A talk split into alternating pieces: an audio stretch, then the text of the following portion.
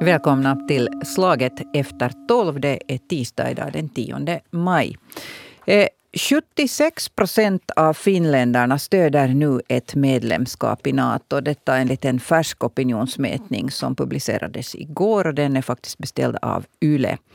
Eh, stödkurvan har pekat stadigt uppåt sedan Ryssland startade sitt eh, krig mot Ukraina.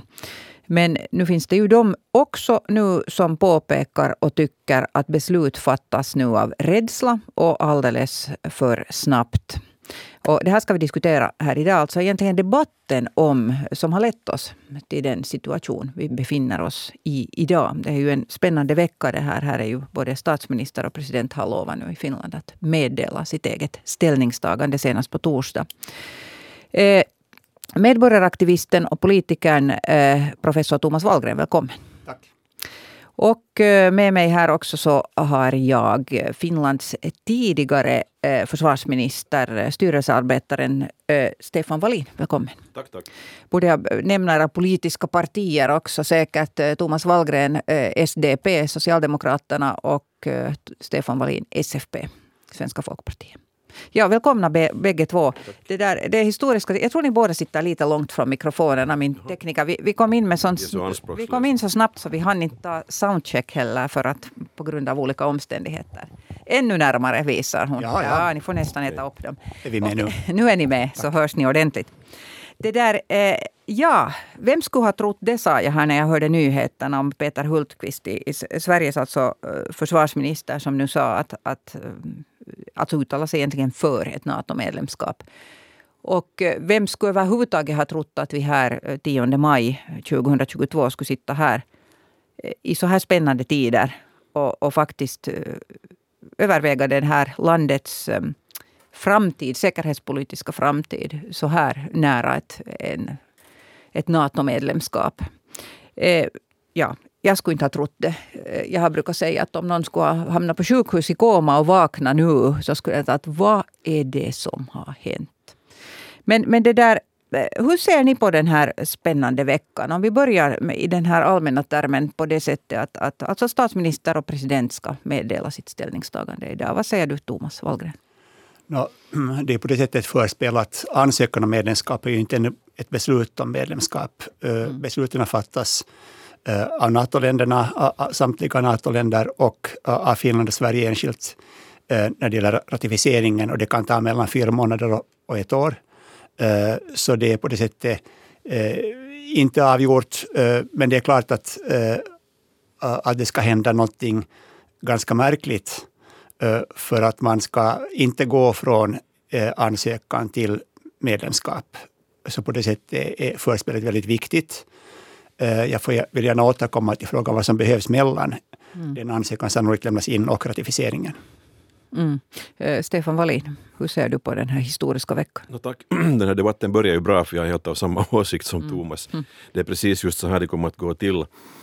Uh, här är man kanske på min, min sida av spelhalvan så att säga, som har förespråkat NATO-medlemskap en längre tid, fundera på vilket årtionde en sån, ett sådant medlemskap kan bli möjligt. Och nu diskuterar vi alltså närmast vilken dag vi kommer att ansöka. Så, så, här, kan, så, här, så här förändras situationen och livet.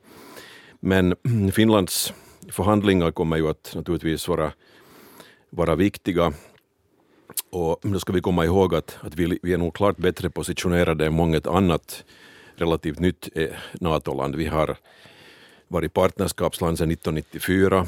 Vi är partnerskapsland med så kallade fördjupade möjligheter, enhanced opportunities, med några till. Och sen har vi de facto klarat en sån här, en sån här liksom demokrat, demokratimonitorering redan i samband med vår, vår EU-medlemskapsprocess. Och den är liksom lite tillämpningsbar också i det här sammanhanget. Så att vi har klarat många nålsögon redan tidigare och, och, vi är materiellt standardmässigt kompatibla med, med NATO-standarder sedan länge. Vi har övat tillsammans, vi har haft soldater placerade i deras NATOs kommandostrukturer, vi har mycket kommunikation och, och informationsutbyte. Vi är liksom tekniskt sett är vi, är vi väldigt nära NATO-medlemmar. I den meningen så finns det lika mycket dramatik här som, som då den berömda taxen sätter sig. Det, å andra sidan måste vi minnas, eh, Stefan håller med om det här, att, att Finlands uh, utrikespolitiska doktrin och försvarspolitik och fredspolitik uh, samtidigt har byggt också på annat än denna närhet till Nato. Att det har varit, uh, för det första, det att vi som icke-allierade kan ta en position i världspolitiken som en annan än vad vi kan ha som NATO-medlemskap, en mer konstruktiv och positiv tycker jag. Den förlorar vi med NATO-medlemskapet om vi går med. Men det andra som vi har haft, som nu lätt glöms bort, är ju rädslan för Ryssland. Det är ju ingenting nytt i dagens situation. All realistisk, all pragmatisk säkerhetspolitik i Finland har alltid byggt på det att vi har en farlig granne. Det är ingenting nytt att Ryssland är farligt och därför har vi alltså en värnpliktsarmé vi har en väldigt stark, ett, ett väldigt, väldigt stark försvarsberedskap i Finland, mycket starkare än, än i de allra flesta andra NATO-länder. Eh, så på det sättet har det inte funnits förut och finns inte heller nu ett säkerhetspolitiskt behov av ett NATO-medlemskap. Utan det som finns, det som har ändrat efter 24 februari och det enda som har ändrat är att det finns en rädsla i Finland som är akut, som inte fanns förut. Men foget för den rädslan fanns tidigare. Så alla som har tänkt framåt, alla som har tänkt på lång sikt har förstått att Ryssland är farligt och det har inte ändrat 24 februari. Jag skulle säga att rädslan är säkert ett ord som kan beskriva en del av vårt känsloklimat, men det finns också andra ord. Jag tror att det är åtminstone fyra. Det är besvikelse över det som Ryssland gjorde. Också ilska över det som vi har sett, bilderna från Butja, slaktade människor, skolor som bombas. Det är också rädsla självfallet över vad som kunde hända ifall den, det oberäkneliga och maktgalna Kreml bestämmer sig för att, att utvidga sina revir också mot, mot nordväst. Men sen också ett självförtroende, tycker jag att, att vi har visat. Vi har liksom nu definitivt bestämt oss för att nu gör, fattar vi våra egna beslut själva när det gäller vår militärpolitiska orientering. Vi har hittills försökt uthärda Ryssland, hantera Ryssland, i viss mån försöka förstå, kanske utan att acceptera förhålla oss till den på något vis. Och det, man kan också säga att, att historiskt så har vi naturligtvis också av respekt för Ryssland låtit bli att, att söka oss mot, mot Nato. Men alla de här hämningarna, alla de här säkringarna så, så brann den 24 februari. För, för Ryssland visar att de går inte att lita på, de struntar blankt i internationella överenskommelser. Och då måste vi också Eh, en gång för alla och kanske slutgiltigt fundera på att vad, vad, tycker vi att, att vi kan göra och ska göra i det här läget. Då kan man komma till olika slutsatser som Thomas och jag och många andra. Men, men det verkar som att en ganska stor majoritet av Finlands befolkning har haft en liksom latent eh, beredskap att stödja ett NATO-medlemskap, men de har inte haft ett motiv och inte ett tillfälle. Det fick de av Putin den 24 februari och 76 procent igår i Yles gallup, det är kvittansen på var vi står idag. Mm. Thomas Wallgren. Stefan upprepar det som jag sa, alltså med lite andra ord. Att engagemanget för NATO-medlemskap bygger på känslor. Det är ilska, det är rädsla, det är besvikelse. Ingen av de här känslorna har en rationell grund, eh, utan allt det här är sånt som vi som har tänkt på de sakerna förut har förstått att så här är det. Det, det kommer att komma eh, farliga situationer och nu har vi en sån. Men, men det, det har vi haft hela tiden det här är inte nytt. Det som är nytt är alltså den här psykologiska förändringen. I, i, i och, och, då vill jag lyfta fram det att när vi har bråttom, alltså när vi har det här korta tidsintervallet, så tycker jag att, att de allra flesta som nu har bytt sida, eh, kanske också de som har varit för NATO-medlemskap förut, har glömt att tänka på vad kärnvapen är. Eh, kärnvapen är, är en utplåningsrisk för mänskligheten. Eh, det mest avgörande för bedömningen av NATO-medlemskapet måste vara det om vi ökar spänningen mellan kärnvapenmakterna, om vi ökar risken för kärnvapenkrig. Om vi gör det så kan vi inte gå med. Och min bedömning, och det är mångas bedömning, är att finns, finskt medlemskap och också svenskt medlemskap eh, ökar spänningen mellan kärnvapenmakterna och därmed ökar eh, risken för utplåning av mänskligheten. Det är ett för högt pris att betala för vår säkerhet. Även om man tror, vilket jag inte tror, men det är en annan fråga, om man tror att NATO-medlemskapet är bra för säkerheten i Finland på kort sikt. Inte heller det är ju förstås givet och det kan vi också diskutera. Men kärnvapenfrågan är central och jag tycker vi ser en, en önskedröm om att det inte är sant att kärnvapenhotet kan vi ha utan att därmed samtidigt bidra till ökad risk för kärnvapenkrig. Eh, där står jag och jag tycker att jag önskar att folk ska få tid att tänka på den saken och debattera den saken. Ja, jag beskrev ju faktiskt fyra känslor men, men jag vidhåller nog att de känslorna utmynnar självfallet i ett, i ett substansresonemang kring vad som, vad, vad, vad som är bäst för Finlands säkerhet. Och det som naturligtvis kittlar de som, som talar för NATO-medlemskap är självfallet de, de kollektiva säkerhetsgarantierna enligt artikel 5 som NATO-stadgan ger sina medlemsländer, inte partnerskapsländer utan enbart medlemsländer. Det vill säga att ett, ett anfall på ett medlemsland ska betraktas som ett anfall på, på ett annat medlemsland. Till det här paketet hör också det faktum att sedan 1949 när NATO grundades har inte ett enda NATO-land någonsin anfallits. Vilket bevisar att de här säkerhetsgarantierna har fungerat. Och det här tror jag ju nog att det ändå liksom det som de här fyra känslorna, eller det kan vara fler också, utmynnar i. Det vill säga vad, vilken typ av, av bredare axlar trygghet vill vi skaffa oss i och med ett, i och med ett NATO-medlemskap, utgående från det som vi vet idag. Och det som vi vet är ju naturligtvis det att vi har sett med egna ögon hur Ryssland beter sig mot en alliansfri granne. Och det var inte särskilt imponerande. Jag var i Ungern när Ungern röstade, hade folkomröstning om NATO-medlemskapet. Jag tror det var 1997. Eh, och då eh, var, var, hade fredsrörelsen i Ungern ett, ett starkt argument mot medlemskap och det var, det var NATO-artikeln nummer fem, den så kallade säkerhetsgarantin. Eh, de hade inblandade samtal där, där, republikanska senatorer i Texas möter sina väljare som är oroliga för att vad händer nu om Ungern blir medlem i NATO? Att blir vi då tvungna att skicka våra, våra soldater för att försvara Ungern? Och då läste senatorn från Texas för sina republikanska väljare artikel 5 och sa att, ja, att Ungern blir angripet, så då håller Nato ett möte. Det var fullständigt klart att han lovade att USA inte kommer att sätta, in, äh, sätta sig på spel för att försvara Ungern. Äh, eh, vi vet inte utvecklingen i USA, men det vi vet är att USA äh, är Natos kärna. De beslut som fattas i Washington är bestämmande för säkerhetsgarantin i Nato. Vi vet också att Natos eh, säkerhetsgaranti har kärnvapen som sin grund. Och vi vet för det tredje, vilket eh, ofta glöms bort i debatten just nu, är att Nato väl konventionella vapen, konventionellt försvar, inte har någonting att komma med i en akut krissituation för Finlands del. Däremot behöver Nato Finland för att eh, i fall av, av konventionella krig försvara Baltikum. Och det kan vi ju se som en, då ett argument för medlemskap, att vi ställer upp för att försvara Estland, Lettland och Litauen. Vi skickar våra soldater dit för att det för deras sak. Det kan jag förstå och ha respekt för. Det kanske är en bra sak, så det är kanske det bästa jag ser med NATO-medlemskapet. Ja, dessbättre kan vi ju inte sitta här och räkna upp en massa exempel på hur femte artikeln har fungerat i verkliga livet, därför att NATO-länder har inte anfallits sedan 1949.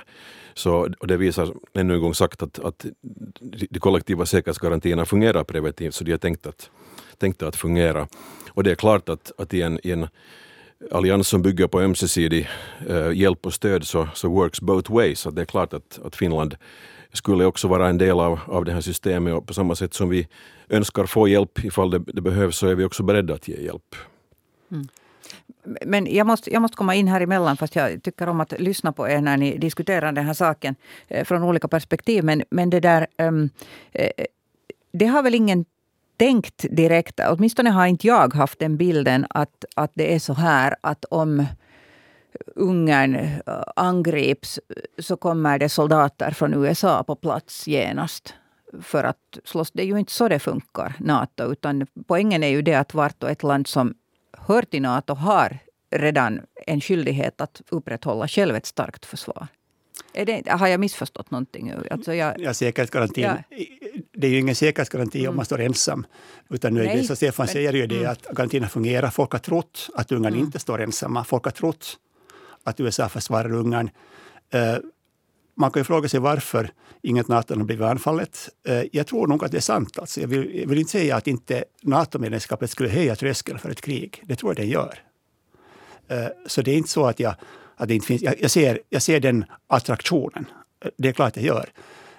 Men då ska vi inte glömma att medlemskapet också ökar spänningen. Alltså motivationen för Ryssland att starta krig mot Finland och motivationen att bedriva lågintensitetskrig, hybridkrig eh, utanför de här, en gråzonen mellan fred och krig blir liksom grumligare. Vi ökar spänningen, vi ökar risken för storkrig, vi ökar risken för förintelse och vi ökar klart risken för för hybridkrigföring och kostnaderna för, för hybridkrigföring. Allt det här eh, betalar, det är ett pris vi betalar för att höja tröskeln till det stora kriget som vi vill, alla vill undvika. Mm. No, vi ska komma ihåg att vi har en, en irrationell granne och en, en granne som, som bygger sin existens på maktpolitik och, och geopolitik och, och, och intressesfärer och mycket annat också. Men vi har som sagt sitt. vad Ryssland gör med en alliansfri granne då man tycker sig ha ett tillfälle och ett motiv. Eh, Ryssland skulle ha en mycket hög tröskel att anfalla ett, EU, ett NATO-land, Finland. Och jag liksom är helt övertygad om att tröskeln är högre att anfalla NATO-landet Finland än att anfalla det alliansfria Finland utan säkerhetsgarantier. Tröskeln är ju som vi har sett, att vi, Ryssland har inte anfallit Finland heller sedan andra världskriget. Så att lika länge som inget NATO-land blivit angripet har inte Finland blivit angripet. Det skulle vi också komma ihåg. Ja. Och tills vidare har inte NATO-länder blivit detsamma. Tills vidare gäller, gäller på båda hållen. Uh, vad gäller Rysslands irrationalitet så, så tycker jag vi måste betona att ju mer vi är rädda för att Ryssland är irrationellt, desto större anledning har vi att inte vara med i Nato. För att Natos idé är den att vi, vi spelar mot en rationell fiende. Ryssland beter sig rationellt, är rädda för kärnvapen och anfaller därför inte. Det är en rationell bedömning. Den irrationella uh, ledningen i Ryssland är, eh, är beredd att, mera beredd att ta till kärnvapen än den är rationella. Så ju mer vi tror att Putin är galen eller att vi, det kommer efter Putin kommer ännu värre. Ju mer vi tror att det är så, eh, ju mer vi tror att Trump är galen, att Washington kan ledas av galna presidenter, desto större orsak har vi att inte gå med i Nato. Låt mig ännu säga att jag förstår rädslan. Jag, för, jag förstår också det att det finns alltså, jag håller med om att tröskeln för, för ett storkrig höjs. Men jag tror att spänningen ökar och att det är väldigt, väldigt farligt att öka den spänningen. No, här ser vi hur vi kan landa i olika slutsatser. Min slutsats är ju naturligtvis den att, att eh, det är tryggare att vara med i en allians som lovar sina medlemmar kollektiva säkerhetsgarantier, bara sina medlemmar, än att inte vara med i en allians när man har 1340 kilometer gemensam gräns med, med Ryssland. Eh, jag liksom, min övertygelse säger att det är tryggare att vara med i säkerhetsgarantier än att inte ha säkerhetsgarantier, för att nu förenkla. Får jag, alltså det här, jag, jag förstår det, Stefan, och, och, och, jag tror vi förstår varandra. Jo, jo. Det, det, är ju, argumenten är ganska klara och, och var och en står får sen väga sitt samvete uh, och, och sin, inför det här, de här uh, argumenten. Uh, det jag gärna vill ta upp är frågan om processen. Eh, den process vi har nu är väldigt skadlig för vår demokrati. Det vi försvarar, säger vi försvarar det öppna samhället, den demokratiska tågordningen. Eh, den brådska vi har nu ger inte utrymme för den för de, den rationella bedömning vi behöver. Men därför är det viktigt att vi har detta år eller dessa fyra månader till ratificeringen.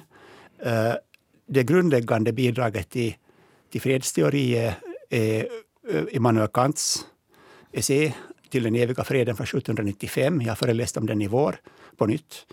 Uh, Kants grundläggande idé är den att samma människor som mest lider av krig borde få bestämma om krig och förutsättningarna för krig och fred.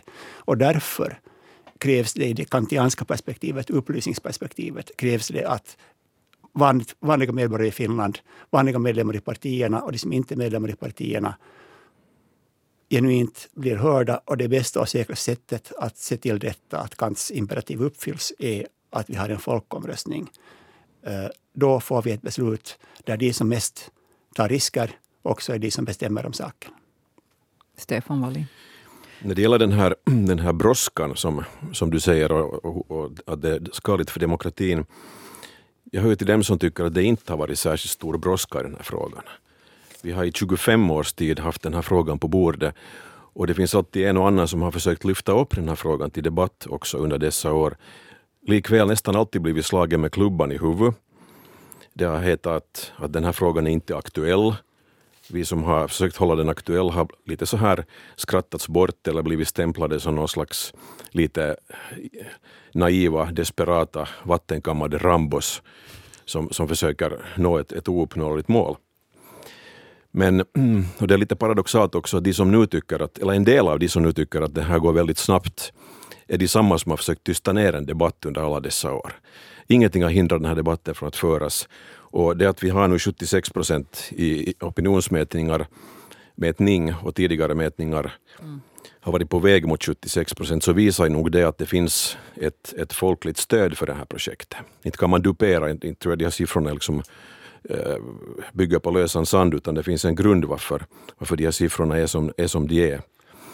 Att det har funnits ett latent, en latent beredskap att ta itu med den här frågan under ytan, men eftersom den inte har varit aktuell och alla har väntat på att den utrikespolitiska ledningen ska sätta upp fingrar och säga nu är det läge att diskutera den, nu är det dags att börja följa sina ledare, så har, har liksom den här frågan varit en icke-fråga.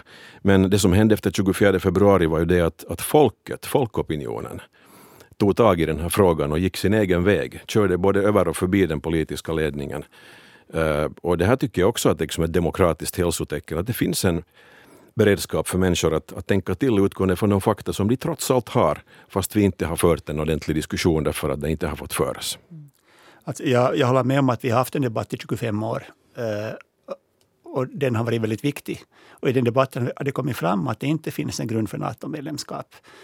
Och den debattens förutsättningar har ju inte ändrats på något annat sätt än att än att en, en, den rädsla som vi har haft blivit, har fått det konkreta uttrycket. Men samma risker har funnits tidigare. Det har jag sagt förut. Ursäkta, på, ja. på vilket sätt säger, menar du att vi har haft en debatt? För att jag, jag måste säga att jag har lite samma bild som Stefan Wallin här just hänvisar till. Att, att det är olika människor som har försökt öppna en debatt. Stefan sa först att vi har haft en debatt i 25 år. Det håller jag med om. Ja, Sen sa men, han att, att locket har lagts på. Genast, eh, ja. Men det är ju inte, alltså, du kan inte säga både och. Du kan inte säga både att vi har haft en debatt i 25 år och sen säga att vi inte har haft en debatt.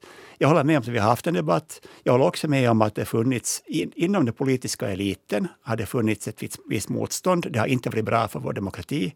Eh, men jag håller med att det finns ett underlag. Det är liksom inte, inte en helt ny fråga. Var, där håller jag med dig. Jag håller också med dig om att varken före den 24 februari eller efter har debattklimatet varit på något sätt idealiskt. Eh, det som är en viktig eh, fråga är om folket nu har ställt upp för NATO-medlemskap det vi har är gallupundersökningar. Vi har inte en mobilisering av krigshets på gatorna. Vi har oro, vi har eh, uh, vädjan om, om, om stöd för Ukraina, vi har mottagning av flyktingar, väldigt fina saker. Uh, men om det nu är så att folkopinionen har vänt, vilket jag tycker att det är ett, ett sannolikt. Uh, just nu vet vi, att den, eller vi tror att den har vänt nu på basen av gallupar. Jag tror att NATO-medlemskapet vinner i en folkomröstning. Eh, men oberoende av, av den prognosen så menar jag att det är av stor betydelse för vår förståelse av oss själva som en demokrati. Det är stor, av stor betydelse för vår politiska historia och identitet att beslutet fattas efter en folkomröstning som jag tror att NATO-medlemskapet vinner. Men det måste vinna på goda grunder efter en ärlig kampanj, efter en mångsidig debatt. måste vi se hur det går. Och då är det mycket lättare för sådana som mig att leva i det här landet när jag har fått debattera och fått rösta och sen fått se hur det går. Fast nu får du debattera här idag. Mm. menar jag, men jag förstår vad du menar. Ja, ja. Eh, eh, det, är väl här, det. det är väl här som tids eh, liksom bilden kommer in här. Alltså det, eh, det tar tid att ordna en folkomröstning. Ja, mm. Jag ska bara säga att det som jag sa just var det att frågan har varit aktuell i 25 år men den har mm. varit svår att debattera därför att de som har försökt lyfta upp den så har klubbats ner. Så nu ska man inte komma och säga att vi har inte fått diskutera den. Mm. Alltså de som motsätter sig NATO-medlemskap. För den har varit, det har varit fritt fram. Men samtidigt har man tystat ner en debatt genom att säga att den inte är aktuell. Det här är den här paradoxen som jag pekar på nu. Men har den också berott på rädsla för den stora grannen i öster? Det finns, jo, naturligtvis finns det de som, som tycker att, att man inte ska provocera. Det har varit av någon slags respekt för Ryssland som man har velat hålla den här frågan, frågan borta. Men, men att, sen har det inte kanske funnits ett akut behov eller en, en, ett tillfälle och ett motiv att, att, att börja diskutera det. Men det fick vi nu slutligen den 24 februari. Många av oss har ju sett det behovet redan tidigare. Men, men det som hände efter 24 februari har bevisligen varit en vattendelare både i Finlands officiella politiska orientering eh, och i, i folkopinionen. Och de här bägge hänger, hänger förstås också ihop. Dock så att folkopinionen svängde först och sen började politikerna ta i det hela. Så det var en ganska intressant... Samma har skett i Sverige. Samma har skett i, i Sverige, ja. Det, det är klart det. Mm. Jag är tveksam till den där bedömningen, men, men jag, eh, jag vill ta upp en annan aspekt. För det första vill jag säga det att, att, att kärnvapenfrågan är avgörande för mänsklighetens framtid. Vi måste nedrusta, vi måste bli av med kärnvapnen. Det är i ett tusenårsperspektiv, som är ändå det viktiga perspektivet i säkerhetspolitiken, är det, det avgörande, den avgörande frågan. Bidrar vi till kärnvapennedrustning genom att gå med i Nato eller bidrar vi inte? Bidrar vi till, till att risken för totalförintelse ökar eller minskar vi risken för totalförintelse? Det är det allra viktigaste. Eh, en annan fråga, Eh, en annan ödesfråga nu är ju klimatfrågan och miljöfrågan. Och också där menar jag att det är helt klart att den andra stora ödesfrågan för mänskligheten är sådan att Finland har mera positivt att bidra med utanför Nato, större möjlighet att bidra till, en, till lösningar på, på miljöfrågan utanför Nato än, än som medlem i Nato. För att vår, vår trovärdighet, vår utrikespolitiska och fredspolitiska eh, initiativförmåga kommer att vara större utanför Nato än med i Nato. Men vi förlorar inte det helt. Efter NATO-medlemskapet är freds och miljörörelsens uppdrag detsamma som förut. Det ändrar ju inte. No, vi ska komma ihåg att vi har tre nordiska länder som har varit med i Nato redan i 73 år. Inget inget av dem har kärnvapen. Alla har varit progressiva när det gäller eh, värderingar som vi delar, miljö, klimat, jämställdhet och så vidare. Inte Nato något spöke här. Och sen skulle jag också vilja säga att, att den här kärnvapenfrågan, jag delar helt din uppfattning, vi behöver inga kärnvapen på denna jord. Men, men kärnvapnen kommer inte som gubben ur lådan nu i och med något NATO-medlemskap. Utan kärnvapen har funnits i vår närmiljö redan länge. Det finns i ryska ubåtar, det finns i Kaliningrad, det finns på Kolahalvön. Vi har haft kärnvapen här hur länge som helst. Dessvärre. Det är inget nytt med NATO. Och jag, för, förrän kanske du hinner säga det så säger jag också egentligen på den norska linjen att inte, inte finns det något akut behov av, av kärnvapen på finländskt territorium. Vi har en lagstiftning som förbjuder kärnvapen idag på finländskt territorium inte ser jag någon orsak till att ändra på den saken. Om bara ryssarna skulle dra bort sina kärnvapen från Östersjön så skulle allt vara väl. Är du för undantagen?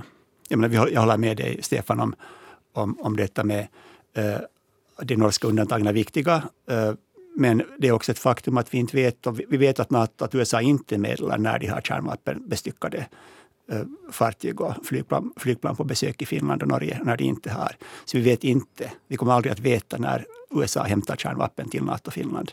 Så länge vi inte är med i NATO har vi större möjlighet att hålla, hålla koll på det här. Ja, du frågar mig för undantagen. Inget land har, har fått undantag i sina, sitt anslutningsavtal ännu.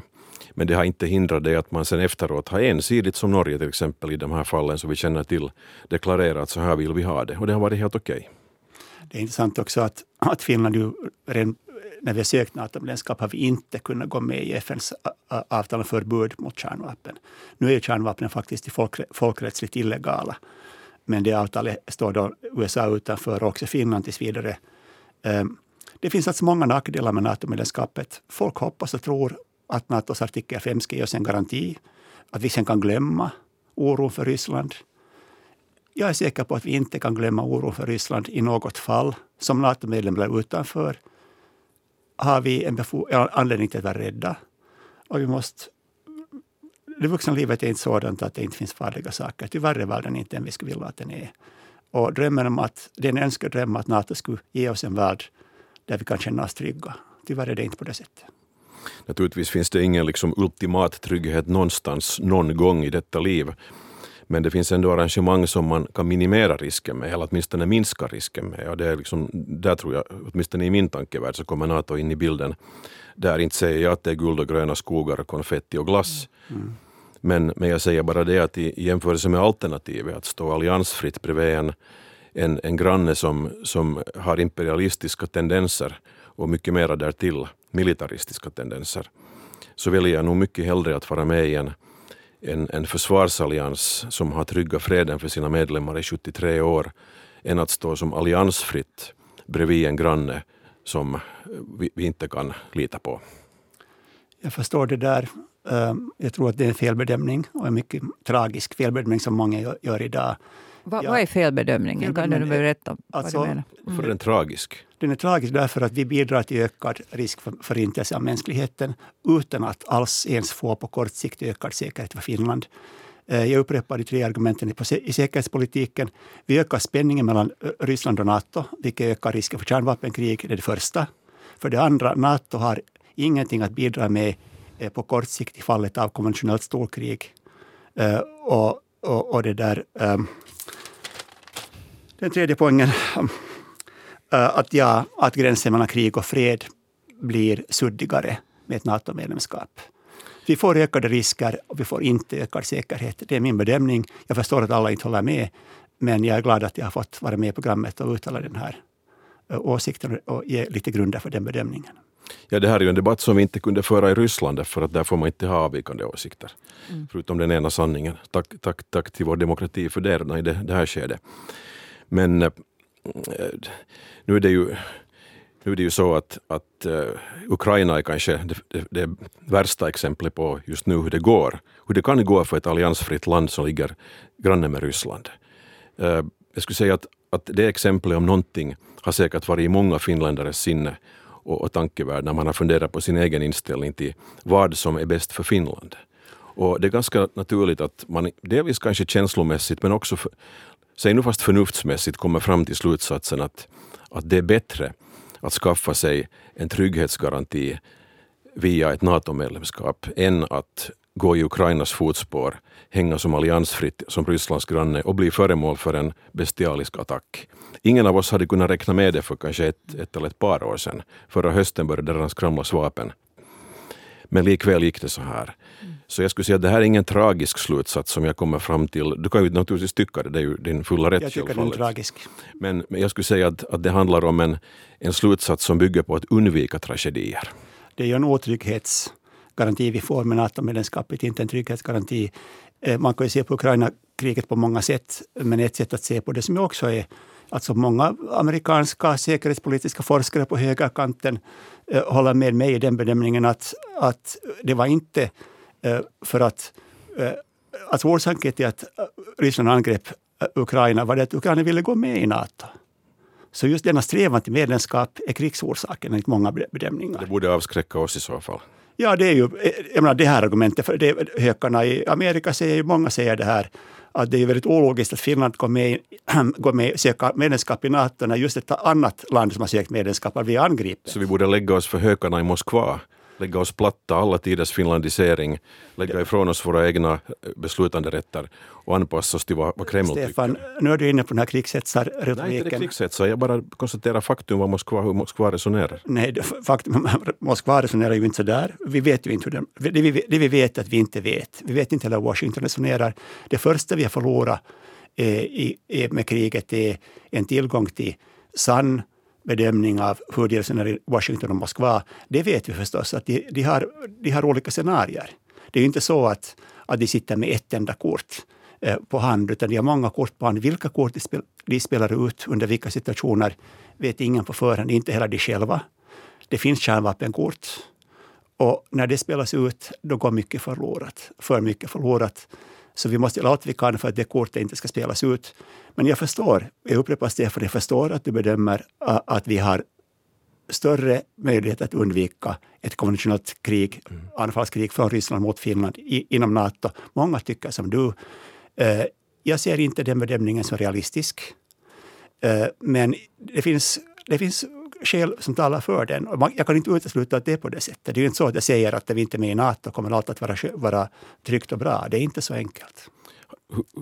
Har du försökt övertyga ditt eget parti om den här saken? Enligt Yles gallup har nu 81 procent av sossarna landat i en annan slutsats än du. Är det så att de har fel? De har fel, ja. Okej. Okay. Jag, jag, skulle vilja veta lite vad, vad, vad de här alternativen... Alltså nu nu äh, talar du, Thomas Wallgren, om, om det här att, att ähm, om demokrati. Att demokrati är viktigt. Tillika så skulle jag vilja lyfta upp den här, alltså, som ett demokratiskt litet land, Finland, också får rätt att fatta självständiga alltså beslut att alliera oss med vem vi vill utan att någon annan dikterar. Det är en sån här um, mm. argument som har lyfts fram. Va, va, hur skulle du liksom svara på det? När du jag håller helt med. Mm. Det är ju, och som Stefan säger, alltså, vi har ett land där vi kan debattera de här, de här mm. frågorna. Uh, så det är ju viktigt. Alltså, och just därför är folkomröstningen så viktig. Eh, att jag menar, ett beslut, eh, eh, det bästa möjliga som e är EU-medlemskapet, stora historiska beslut, har vi lärt oss att bäst fattas på basen av en rådgivande folkomröstning. Gärna, tycker jag, i en avgörande folk, folkom, folkomröstning. Det här redskapet har vi inte i vår lagstiftning för tillfället, men vi har rådgivande folkomröstning. Och som sagt, jag tror att den, den, om, den folkomröstningen skulle landa i ett ja till NATO-medlemskap. Eh, så jag vill inte ha folkomröstningen för att därmed få en, ett instrument för att säga nej. För att, utan jag vill ha den för att få ett instrument för att rädda vår, försvara och utveckla vår demokrati och för att vi sen också i efterskott ska kunna se oss själva i spegeln som ett land med en levande demokrati. Jag tycker att ett jättestarkt instrument i vår representativa demokrati är ju den representativa demokratin. Det vill säga vi har i riksdagen 200 folkvalda som representerar åtta, nio olika partier och har fått mandat av, av folket att fatta beslut i frågor som dyker upp under valperioden. Oftast utstakade av regeringsprogrammen, men som vi har sett så finns det inget regeringsprogram i världen som kan förutspå en pandemi eller ett krig i Ukraina och en NATO-process. Jag håller med om att livet direktsändning. Vi har ju alltså en ovanligt fin och levande, också representativ demokrati i Finland. Det håller jag helt med om. Så det är inte liksom det sämsta möjliga att riksdagen fattar beslutet. Men vi har ett ännu bättre alternativ. Men, men får jag då fråga, folkomröstning, jag är inte rädd för en folkomröstning alltså när det gäller slutresultatet, men som metod tycker jag att den skulle vara synnerligen olycklig i det här läget. Dels därför att vi inte överger, lämnar över någon slags lagstiftningsbehörighet, suveränitet till, till NATO på samma sätt som med EU-frågan och där var det folkomröstning. Eh, och för, det, och för det andra naturligtvis det att, att varför skulle vi göra vår egen demokrati till en till en, eh, ett, strids, ett, ett slagfält för ryska troll och andra som vill påverka våra opinioner, eh, skapa kaos i våra politiska processer, i finländarnas opinionsbildning.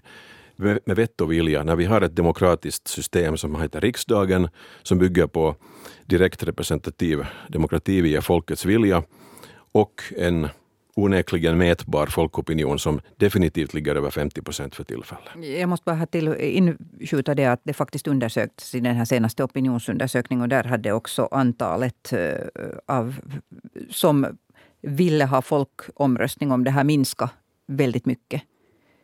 Så att, att där har du inte riktigt nu siffrorna på, på din sida. Men de har väl fel de också? Ja, jag, sa, jag sa ingenting om siffrorna, jag uttalar ja. min syn på saken. Mm. Och synen är den att en folkomröstning vore bra.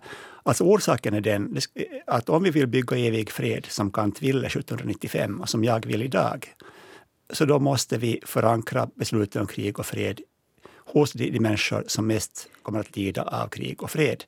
Eh, det är det starka argumentet för så stark demokrati som möjligt i de här avgörande frågorna. Eh, men, jag, vill men ännu, jag vill ännu säga en, en, mm. en, ännu en gång att den som tror på Natos äh, säkerhetsgarantier måste tro på att man har rätt att använda kärnvapen. Och då måste en se framför sig. Jag, jag var på Sandels musikskola på en konsert med 7-8-åriga barn. Då måste man tro att vi kan ta på oss att utplåna inte bara denna kör på Sandels musikskola, utan tusen eller kanske tiotusen sådana körer i Ryssland eller andra länder vi måste ha en beredskap att göra det. Och den beredskapen har inte jag. Du säger krig och fred. Enligt grundlagen idag så, så är det ju presidenten och, och riksdagen som bestämmer om krig och fred. Borde vi ha folkomröstningar, alltså också om krigsförklaringar eller konstatera att Finland är i krig? Gärna nog. Hm. Den tiden, den tiden. Mm som behövs för den processen. Men Stefan, håller du med om grundargumentet? Alltså jag, jag förstår det här att det finns en, att, att att vi har alltså, jag upprepar det, vi har en fungerande representativ demokrati. Så det är alltså inte, det är inte outhärdligt att beslutet fattas så som det nu kommer att fattas om, jag inte, om inte någonting Det är grundlagsenligt, ja. Eh, det är grundlagsenligt, men det är också förenligt med vår... Grundlagen är ett uttryck för vår demokratiska självförståelse och det måste kunna utvecklas i ljuset av den, i utvecklingen av vår demokratiska självförståelse. Jag tycker det är ett misstag om vi går med utan en folkomröstning, men det är så att säga inte... Det är ett misstag inom demokratins gränser och jag, jag, jag jag kan förstå om det går så. Och vart kan jag flytta? Var har vi en bättre demokrati? No, inte åtminstone i vår östra granne. Nej. Men hur ser du på, vår, hur ser du på den, den alltså påverkning, påverkansprocess som vår folkomröstning i så fall skulle vara utsatt för. Du måste ju erkänna ja. att det skulle förekomma en ganska massiv sån. Och det skulle inte det, vara det bara argumentet, roligt. Stefan, kan man inte använda. Det argumentet Jag tycker man kan använda det. Det argumentet det har använts nog av, av hybrid. Är, låt mig, ja. alltså, man kan inte därför att det argumentet riktar sig mot den allmänna rösträtten. Alla val kan utsättas för hybridpåverkan. En folkomröstning skiljer sig inte. En folkomröstning är bättre, lättare att hantera demokratiskt än allmänna val. För allmänna val är mycket mer, det är mycket mer komplicerat att ta ställning i allmänna val än i en enskild fråga, en folkomröstning. Så hybridpåverkan, jo, eh, det är en del av verkligheten idag. Det är inte ett argument mot en folkomröstning. Jag tycker det är ju tvärtom lättare att manipulera en folkomröstning med två alternativ. Ett riksdagsval är ganska spretigt så att säga. Men, men ett, ett personval eller ett, ett, eh, en folkomröstning med två alternativ det är ju definitivt en, en lekplats för de som vill, som vill minst, det vill säga manipulera mest. Ja, nu tar vår tid just slut här. Hanna var snäll här i studion bredvid, Hanna Norrena, och vinkade att fortsätt bara tills hon ska läsa långa väderrapporter. Men, men det, eh, det, måste jag säga att det finns ju ett exempel på det här som har forskats mycket efteråt och, och till och med gjorts filmer om. Och det är Brexit-omröstningen där, där, som var nog utsatt för väldigt mycket um, påverkan utifrån. Men att, att det där um, det går säkert i framtiden kanske att skapa sådana... Uh, Den påverkan ja, gäller, i, ja. gäller i allmänna val. Mm. Det, det, det, det, argumentet kan inte användas utan att vända sig mot demokratin. Och vi har haft en tid att föra en debatt om den här frågan här, men de som inte har velat föra den så må nu skylla sig själva. Men här för vi den i alla fall. Här för vi den, ja. Här, här, Sent om sidor. ja, har vi fört det, Stefan, du och jag förut. Ja, ja, det har vi gjort. Här, här tar tiden för slaget efter tolv slut. Mitt namn är Bettina Sågbom. Jag tackar mina gäster idag, Thomas Wallgren och Stefan Wallin, som, som diskuterar den här historiska veckan som, som nog kommer att ge besked i många former beträffande, beträffande vårt beslut om att eventuellt det känns lite fånigt att säga eventuellt söka medlemskap i försvarsalliansen Nato. Eh, tack så mycket. Vi hörs imorgon igen med en ny debatt. Samma tid, samma kanal.